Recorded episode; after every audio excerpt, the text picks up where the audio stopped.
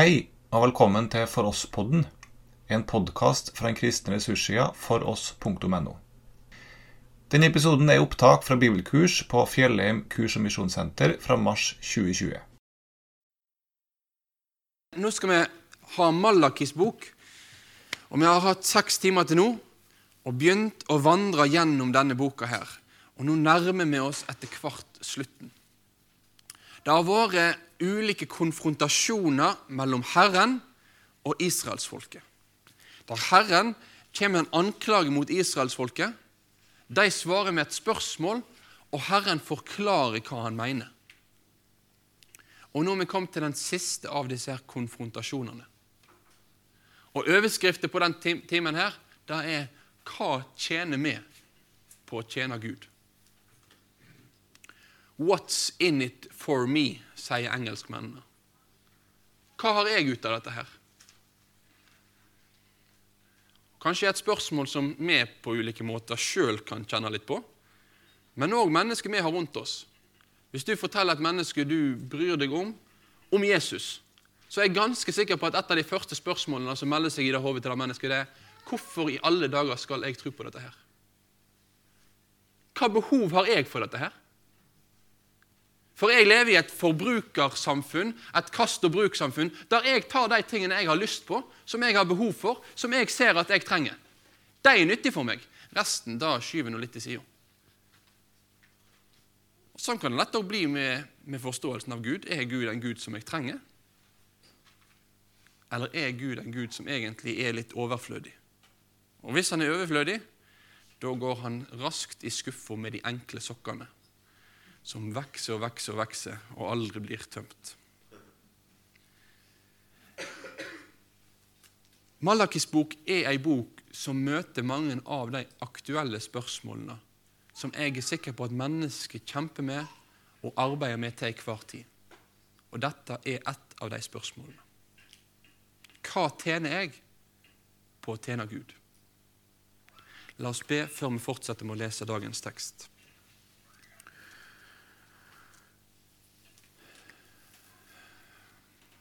Far,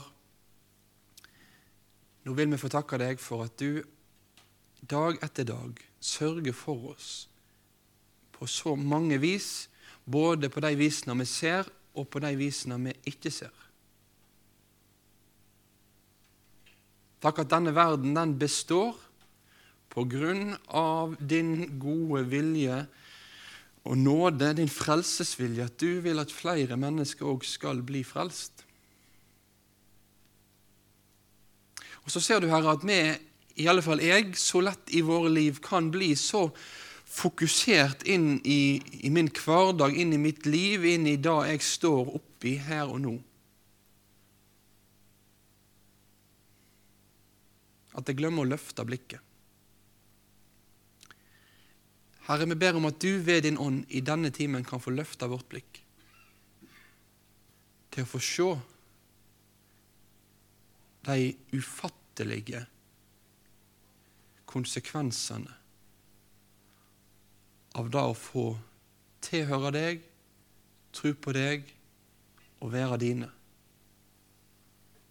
Eller da å skyve det vekk og heller ville være min egen herre og finne min egen vei.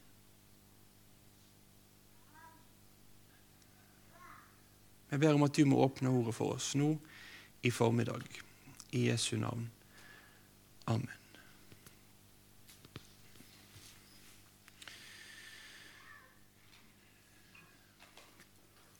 Den eh, konfrontasjonen som vi nå skal lese sammen, den står i Malakis bok kapittel 3 og vers 13 til kapittel 4 og vers 3.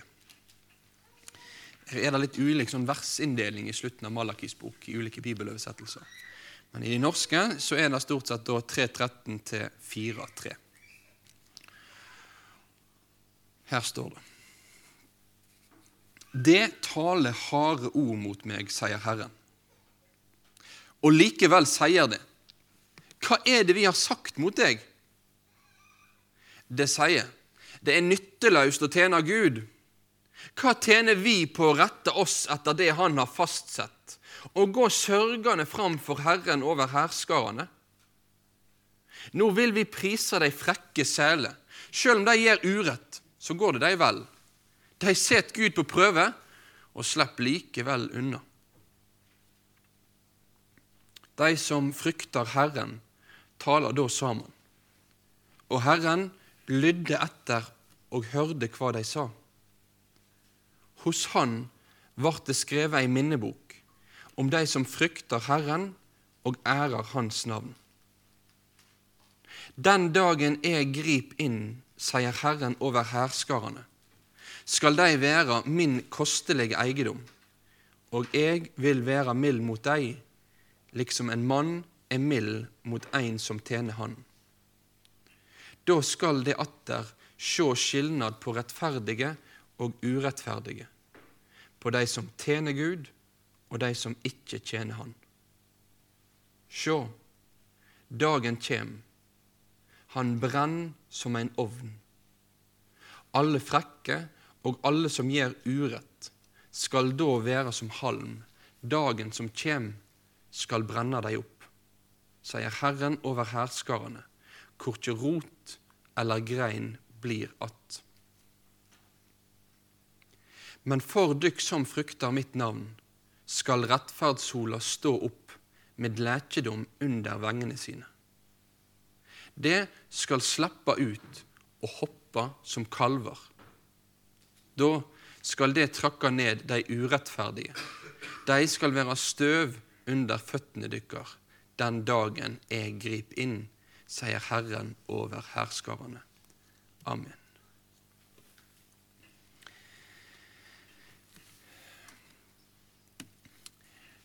Teksten begynner med anklagen. Herren sier til israelsfolket, det taler harde ord mot meg. Og folket svarer, hva har vi sagt mot deg?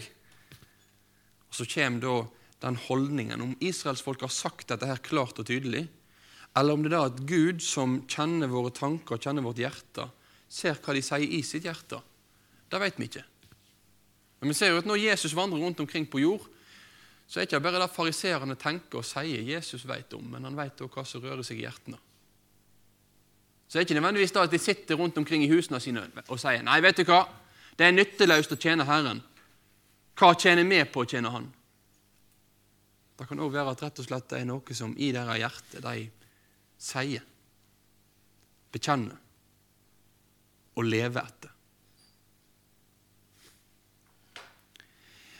Israelsfolket ser i stor grad ut til å være preget av en opplevelse av at i min hverdag, der jeg er, der jeg står midt oppi, så er det egentlig nett det samme om jeg tror på Gud eller ikke. Og Dette er et mønster vi møter flere ganger i Gamle Testamentet. Asaf, i en av sine mest kjente salmer, når han stiller spørsmålet Herre, hvorfor går det de ugudelige så vel? Kjemper med noe av det samme. Habakuk i Habakuks bok han strever med noen av de samme spørsmålene. For han ser at de urettferdige de ser ut til å gå rundt omkring uten noe særlig smerte, lidelse, over den situasjonen israelsfolket var oppi. Og han spør Herre, hva, hva er dette her? Hvorfor er det sånn?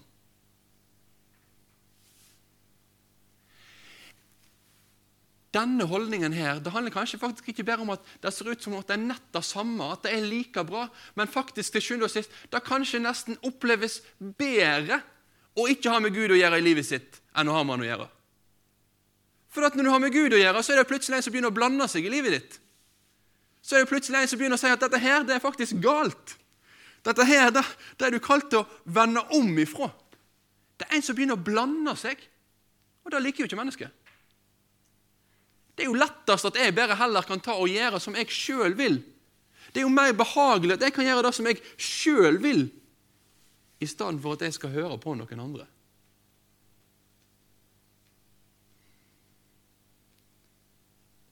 Og i alle fall hvis det er et alvorlig budskap den andre kommer til meg. Én ting er hvis den andre bare kommer med god stemning, med glede, med, med oppmuntringer. Men hvis dette her er skrevet omtrent samtidig som når Esra og Nehemja levde, og vi leser hvordan Esra og Nehemja gråter, roper til Herren, kaller folket til omvendelse og, og, og sørger over folkets synd, så, så,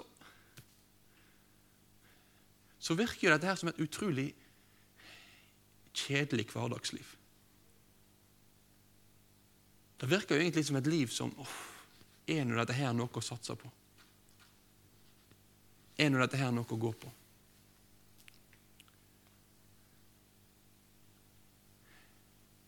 Jeg vil heller prise de frekke seler. De som håner Gud. De ler. De koser seg.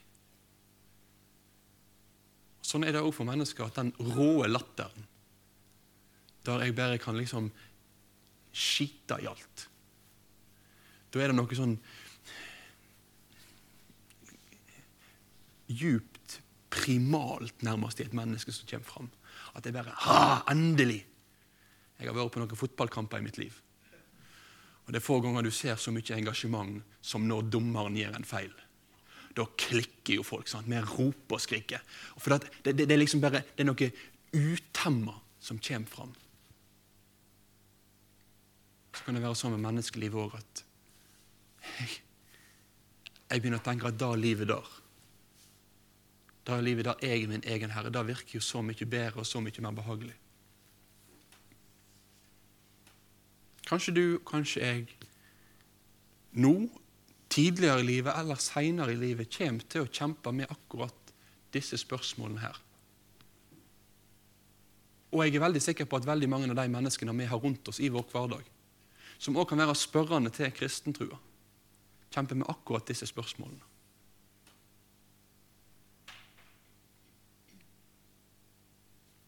Så hva sier Bibelen? Hva lærer Bibelen oss om dette her? Er det nytteløst å tjene Herren? Jeg vil ta et lite sidespor. For noe av det som ser ut til å være problemet eller utfordringen i Israel den gangen, og jeg tror òg i veldig mange menneskeliv i dag, det er at det blir en krasj mellom idealet eller tanken om hvordan jeg tenker det skulle være å tro på Gud og følge Han, og sånn som jeg faktisk opplever det. Det kan være at det er noe jeg sjøl har fått med meg i mitt eget hode.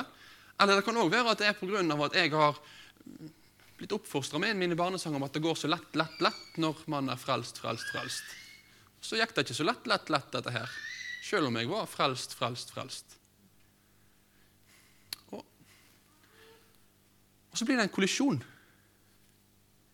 Idealet blir løfta fram som noe så flott og så godt, men så opplever jeg det som noe helt annet. Så tok jeg med et bilde for å illustrere dette. her. Av og til så kan virkeligheten og idealet kollidere. Det var ei, ei dame som het Cecilia Jimenez. Kanskje litt dumt å utlevere henne med navn, men det er noe så. Hun arbeider i kirka i Spania. Og I denne kirka i Spania så hadde de et flott veggmaleri av Jesus. Det er det maleriet vi har til venstre der. Og da trengte de å restaurere. De måtte få det til å bli skikkelig igjen. For vi ser litt maling har begynt å, å skalle vekk, så de må få pynta på det sånn at det blir som idealet. Sånn som det egentlig skulle være igjen. Og Cecilie sier ja, jeg, jeg, kan ta dette her. Jeg fikser det. Og Hun setter i gang og restaurerer dette bildet og ender opp med dette her malt utover veggen på kirka. Da ser vi at plutselig så ble avstanden så stor. Så stor mellom sånn som det skulle være, og sånn som det faktisk så ut.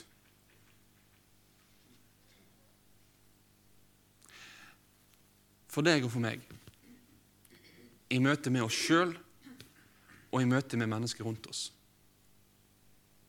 så er det viktig at vi snakker sant om Gud. At vi snakker sant om hvordan Gud er, og snakker sant om hvordan det er å leve med Herren i denne verden.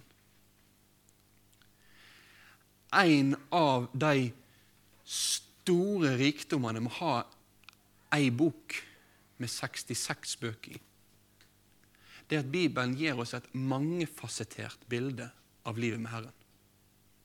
Det er ikke ett spor. Det er ikke en beskrivelse av at sånn er det fra start til slutt. Du har vært født, du har døpt, så lever du, og så er livet sånn, og så dør du. Nei, det er en beskrivelse av at livet med Herren kan være på mange ulike vis. Og vi har behov for det jeg her kaller for en jordnær og en himmelvendt teologi. Det vil si en teologi som både snakker realistisk og mangefasettert om livet her og nå, og samtidig ser framover. For det gjør Bibelen. Bibelen snakker realistisk om menneskelivet her på jord. Og det må vi òg gjøre. Vi må ikke liksom bare ta ett spor og si at sånn er det. Sånn er det i alle situasjoner. Og Så leser vi Bibelen og så ser vi at her er det mange ulike livsveier. Og jeg skriver her at det er egentlig noe veldig fint i Bibelen at Bibelen inneholder både ordspråkene og f.eks. I kapittel 3. Og så tenker kanskje ikke så mange på ordspråkene i denne sammenhengen. Hvorfor i alle dager skriver du den opp her, Ingvald? Jo, Grunnen til at jeg skriver det, er at ordspråksboka, ei bok der den vise eldre lærer opp den unge i vandringen med Herren, så lærer han, han mange sånne grunnleggende livslover. Det vil si at Hvis du gjør sånn og sånn, og sånn, så vil dette her være det vanlige resultatet. Lat han gjøre fattig, flittig han gjør rik. Ja, er, ikke det, er ikke det bra at det står? Det er jo viktig at det står. Når ungen spør jeg orker ikke, jeg gidder ikke gjøre dette, her, må jeg gå på skolen? Men Søndag står 'lat han gjøre fattig, flittig, han gjør rik'. Du, du, må, du, må, arbeide for at det skal komme noe resultat ut av dette. Ting kommer ikke flytende til deg på ei fjøl. Sånn er ikke normalen i livet. Så Bibelen forteller oss faktisk noen generelle grunnregler om at vanligvis så er det sånn at den eller den handlingen vil føre til den eller den type resultat. Lær den unge den veien han skal gå, så vi kan ikke få den den dagen han blir gammel. Det beste en kan gjøre for et ungt menneske, er å lære han himmelveien. Men samtidig så vet vi også smertefullt at det er ikke alle som lærer veien, som går videre på den. Og Det er det som er det flotte med Bibelen. At her har vi både de tekstene som snakker om at dette her er godt, og vanligvis fører det til sånn. Og vi har de tekstene som viser oss at av og til, ja faktisk ganske ofte, så blir livet annerledes enn jeg hadde sett for meg, tenkt og håpt. Ofte kan livet med Herren oppleves som meningsløst, nytteløst,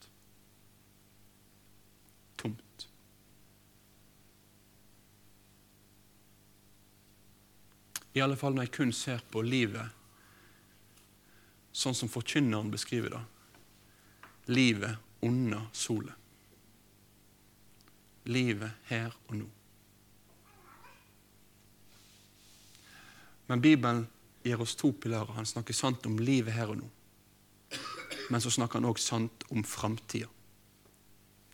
Den løfter òg blikket. Den løfter blikket opp mot Guds framtidige handlinger i Det gamle testamentet og gjennom Det nye testamentet. Bibelen taler om framtidshåpets realitet. Og da må òg Guds folk gjøre.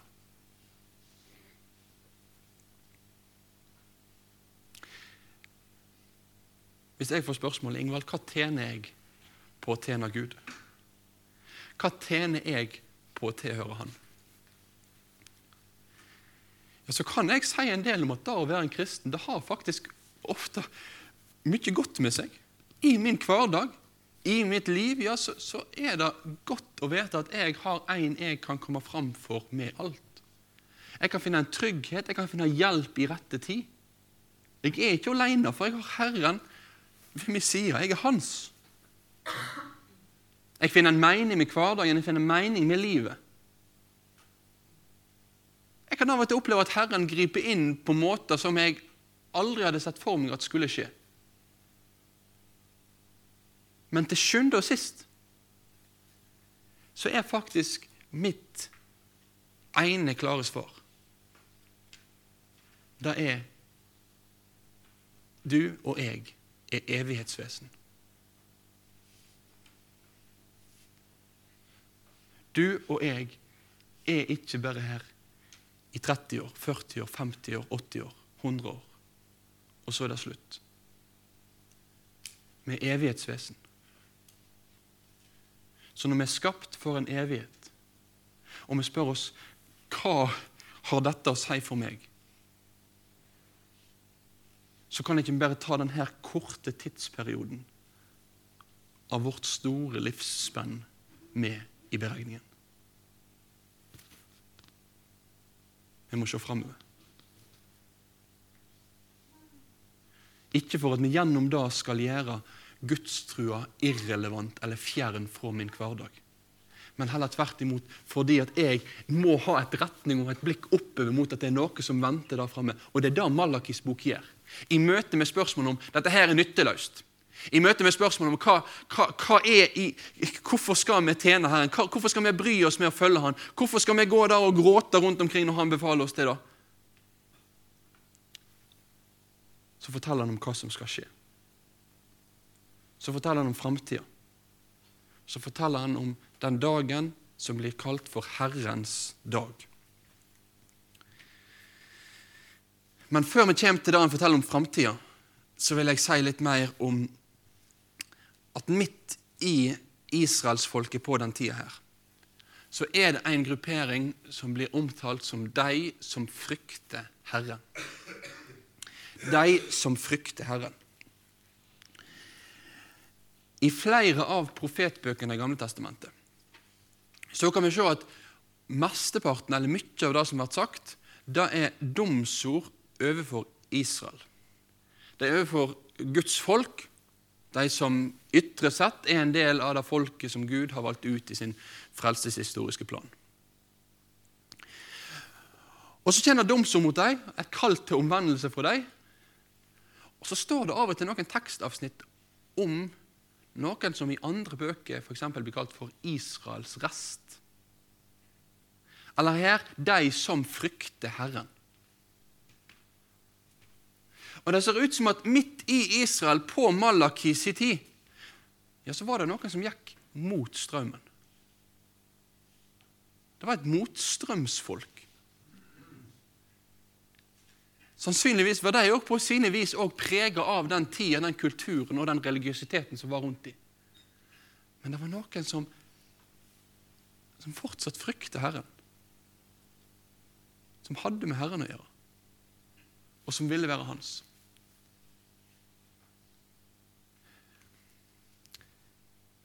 Det var noen som de andre sa at det å tjene Gud er nytteløst. Det er bedre å bare drite i Gud og kjøre sitt eget løp. Så merker jeg at nei, jeg kan ikke gå med på dette her. Jeg opplever det ikke sånn. Og så kanskje syntes det var vanskelig fordi det kulturelle presset ble sterkt på å hevne noe annet. Pga. at strømmen gikk i en annen retning. Og så ble de etter hvert sånn at de, de kanskje kjente på at de sto litt alene i sin hverdag. Og hva gjorde de da? Jo, de snakka sammen. Vi skal ikke legge for mye inn i akkurat dette. her, og Nå skal ikke jeg presse teksten veldig sterkt. Men en applisering, en, en tilrettelegging for oss i vår tid, er at vi ser at her var det sånn at mennesker som frykter Herren rundt omkring, de så behovet for at vi, vi må komme i lag. Vi må hjelpe hverandre, vi må støtte hverandre. Det, det, det er kanskje flere og flere som tenker noe annet, men, men, men vi tror fortsatt på Herren. Vi vil tilhøre Han, og vi vil følge Han, og vi vil tro på Han og når man snakker sammen. Og så har de sine møter. Det står ikke noe om akkurat at det var et møte. Det står ikke noe om at det var forkynnelse og, og vitnestund etterpå. Men tilretteleggingen eller appliseringen for deg og for meg i dag, det er at jeg trenger deg og du trenger meg. Vi trenger hverandre som Guds folk. Og behovet for å ha kristne ved min side, blir ikke mindre når det kulturelle presset blir større.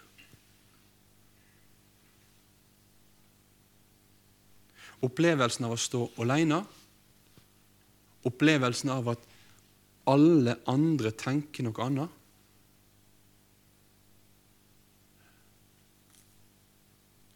Det kan da være så godt å faktisk se at vi er flere. Vi er flere som står i lag. For meg personlig så var det kanskje et av de mest spesielle erfaringene jeg hadde med det i mitt liv, det var for noen år siden. Den dagen når Kirkemøtet i Norge vedtok loven om to syn på ekteskapet. At det var til å åpne opp for samkjønnet ekteskap. Og Debatten i Norge var preget av at dette her er det vi må gjøre. Og jeg som en som sto som medlem i Norske kirke, opplevde at dette her da går så radikalt imot min overbevisning om at jeg, jeg som frykter Herren, vil høre på hva Han har sagt om ekteskap i sitt ord. Så var jeg faktisk den dagen på en konferanse i USA med noen tusen andre mennesker som ønsket å løfte ekteskapet høyt. Og For meg så ble det en sånn styrke. Tenk. Tenk med flere. For Elian han etter den fantastiske opplevelsen og hendingen på Karmelfjellet går rett i kjelleren når dronning Jesa blir tatt livet av ham. Og han flykter for harde livet sørover og kommer etter hvert til, til Guds fjell. Så er jo Elias' store smerte det Herre, det er jo bare meg. Det er jo kun meg. Det er, jo, det er jo, ingen andre som vil følge, følge deg, Herre. Men så kommer Guds ord til Nei, det er så og så mange som fortsatt ikke har bøyd fot for Baal. Så det jeg vil si, er vi trenger hverandre. Vi trenger at Guds folk kan få styrke hverandre i trua på Jesus. Og det trenger vi ikke mindre nå enn før. Heller tvert imot.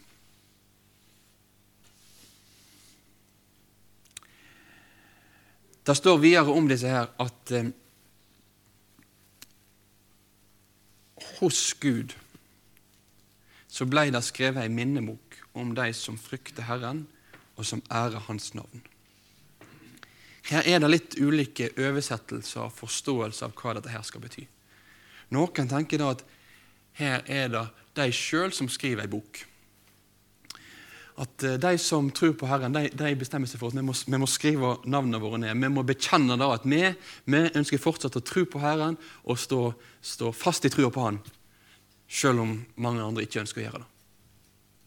Og Kanskje er det, er det sånn meint. Men sånn som det er oversatt i, i de fleste norske bibeloversettelser, så er ikke poenget da at det er menneskene som skriver bok men at det er Gud som skriver bok. Eller i alle fall en bok som blir skrevet i Guds nærvær. Og Vi møter noen glimt av en sånn bok i Gamle testamentet. Og vi møter en bok i Nytestamentet som blir åpna. Vi møter bøker. Vi møter livets bok. Da Herren har skrevet sine.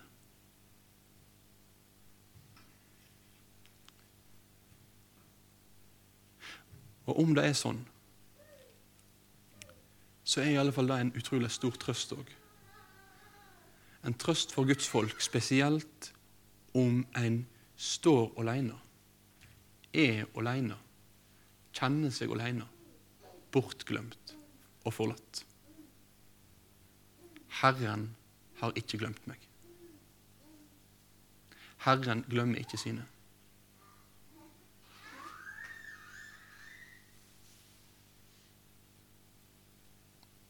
Bibelen forteller oss om hvordan Hagar, den bortsendte, bortglemte, bortkasta kvinna hun blir påkalt av Gud med navn. Hagar, Hagar, hvor er du?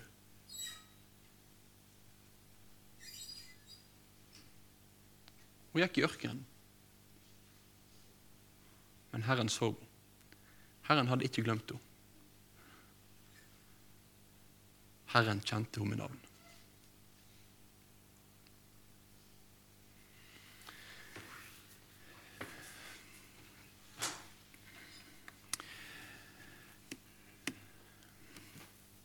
Og så begynner Herren å gi sine løfter til sin rest. Han gir sitt løft til de som da, løfte til de som da frykter han. De som taler sammen, så sier han til dem i vers 17. Den dagen jeg griper inn, sier Herren over hærskarene, skal de være min kostelige eiendom, og jeg vil være mild mot dem, liksom en mann er mild mot en sønn som tjener han. De skal være min kostelige eiendom den dagen jeg griper inn. Den dagen, det er den dagen som i Gamletestamentet ofte blir omtalt som Herrens dag. Og Spesielt i disse tolv siste bøkene i Gamletestamentet, de tolv småprofetene, så dukker Herrens dag opp veldig mange ganger.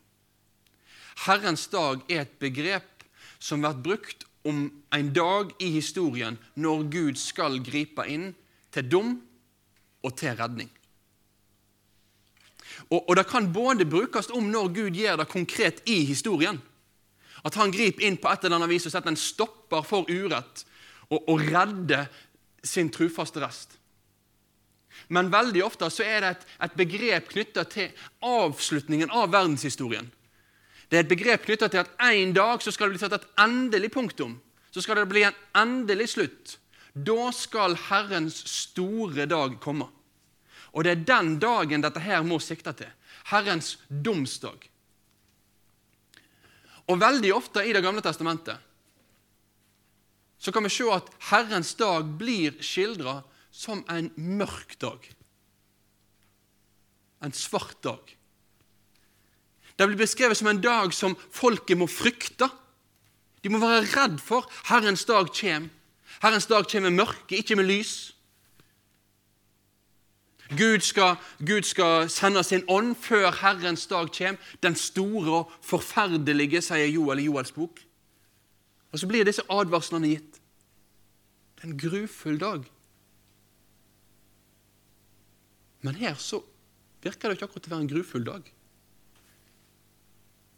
Den dagen jeg griper inn, skal de være min kostelige eiendom.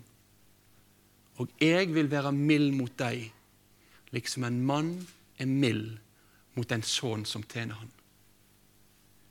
Høres det forferdelig ut? Ja, det høres jo fantastisk ut. Det er jo en lys dag. Det er jo et framtidshåp. Hva er poenget? Jo, poenget er at Guds dom i Bibelen, den er tosidig. Når Gud griper inn til dom, så er det på ei og samme tid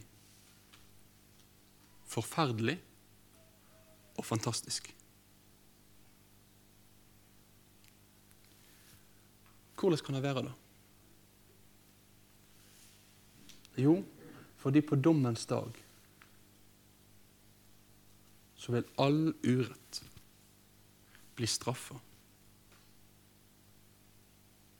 Og som vi skal komme til, Jeg vet ikke om vi rekker det i dag, eller om vi må fortsette med det i, i morgen i timen da.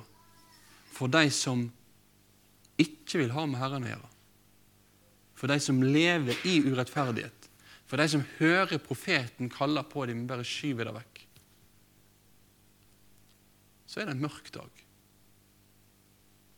Og Det er den situasjonen veldig mange av profetene skriver inn til.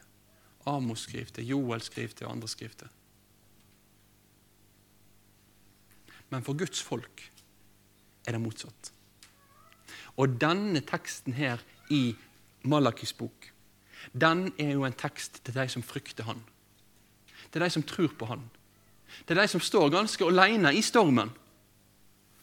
Og så vil Herren si til deg, du som frykter meg, du skal ikke frykte min dag, men du skal få se fram imot den. Du skal få se fram imot hva jeg en dag skal gjøre. Du skal få se fram imot at en dag så skal de som frykter meg, være min kostelige eiendom.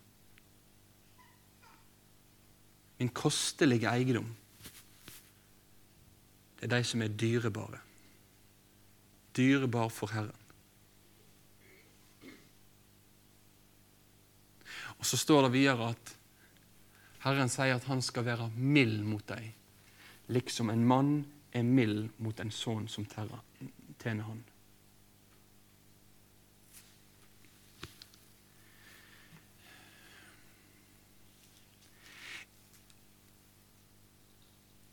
Til det gudsbarnet som lurer på Gud har glemt meg, Gud ser meg ikke.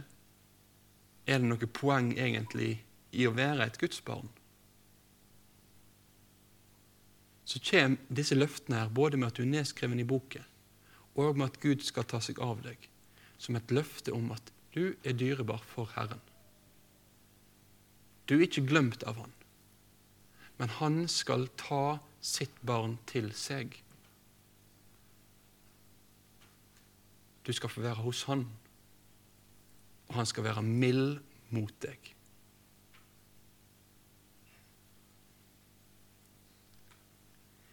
I undervisningen i går så var vi litt innom hvordan ulike, det er ulike moment som preger et barns oppfattelse av Gud. Og Helt grunnleggende i dette her så handler det jo også om at våre foreldre preger vår inngangstanke til hvordan vi forstår Gud som far.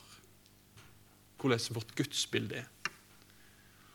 Og Det er nok ikke bare som et lite barn, men gjennom livet så kan òg opplevelsen av min far, eller den manglende opplevelsen av min far, på godt og på vondt, sette dype spor i mitt gudsbilde.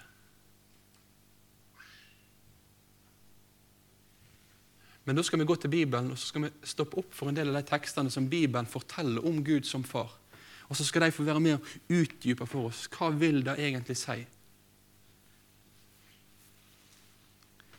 Og Gud som far i Bibelen, han er ingen streng machomann uten følelser som bare tar og kaster deg ut så snart du, han får mulighet til det. Men han er heller ingen hva skal jeg si veiking som, eh, som det egentlig er nett av samme hvordan du forholder deg til.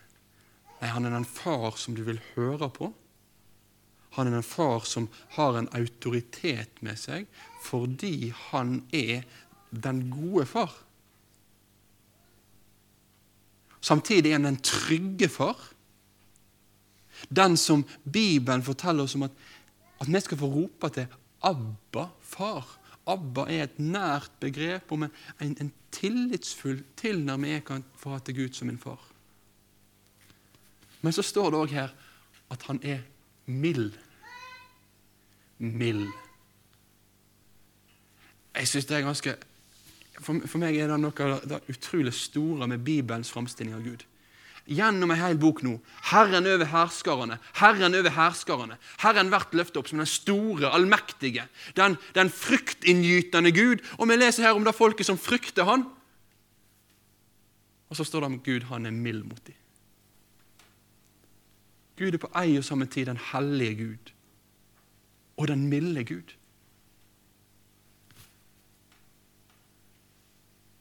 Og så er det dette bildet her Malaki 3 begynner å tegne for oss.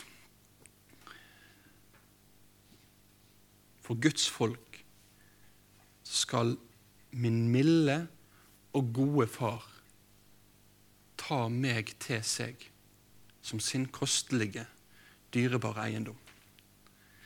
Men jeg tror vi må fortsette i morgen med siste del av denne teksten og avslutningen i kapittel 4. Du har nå hørt opptak fra bibelkurs fra Fjellheim kurs- og misjonssenter.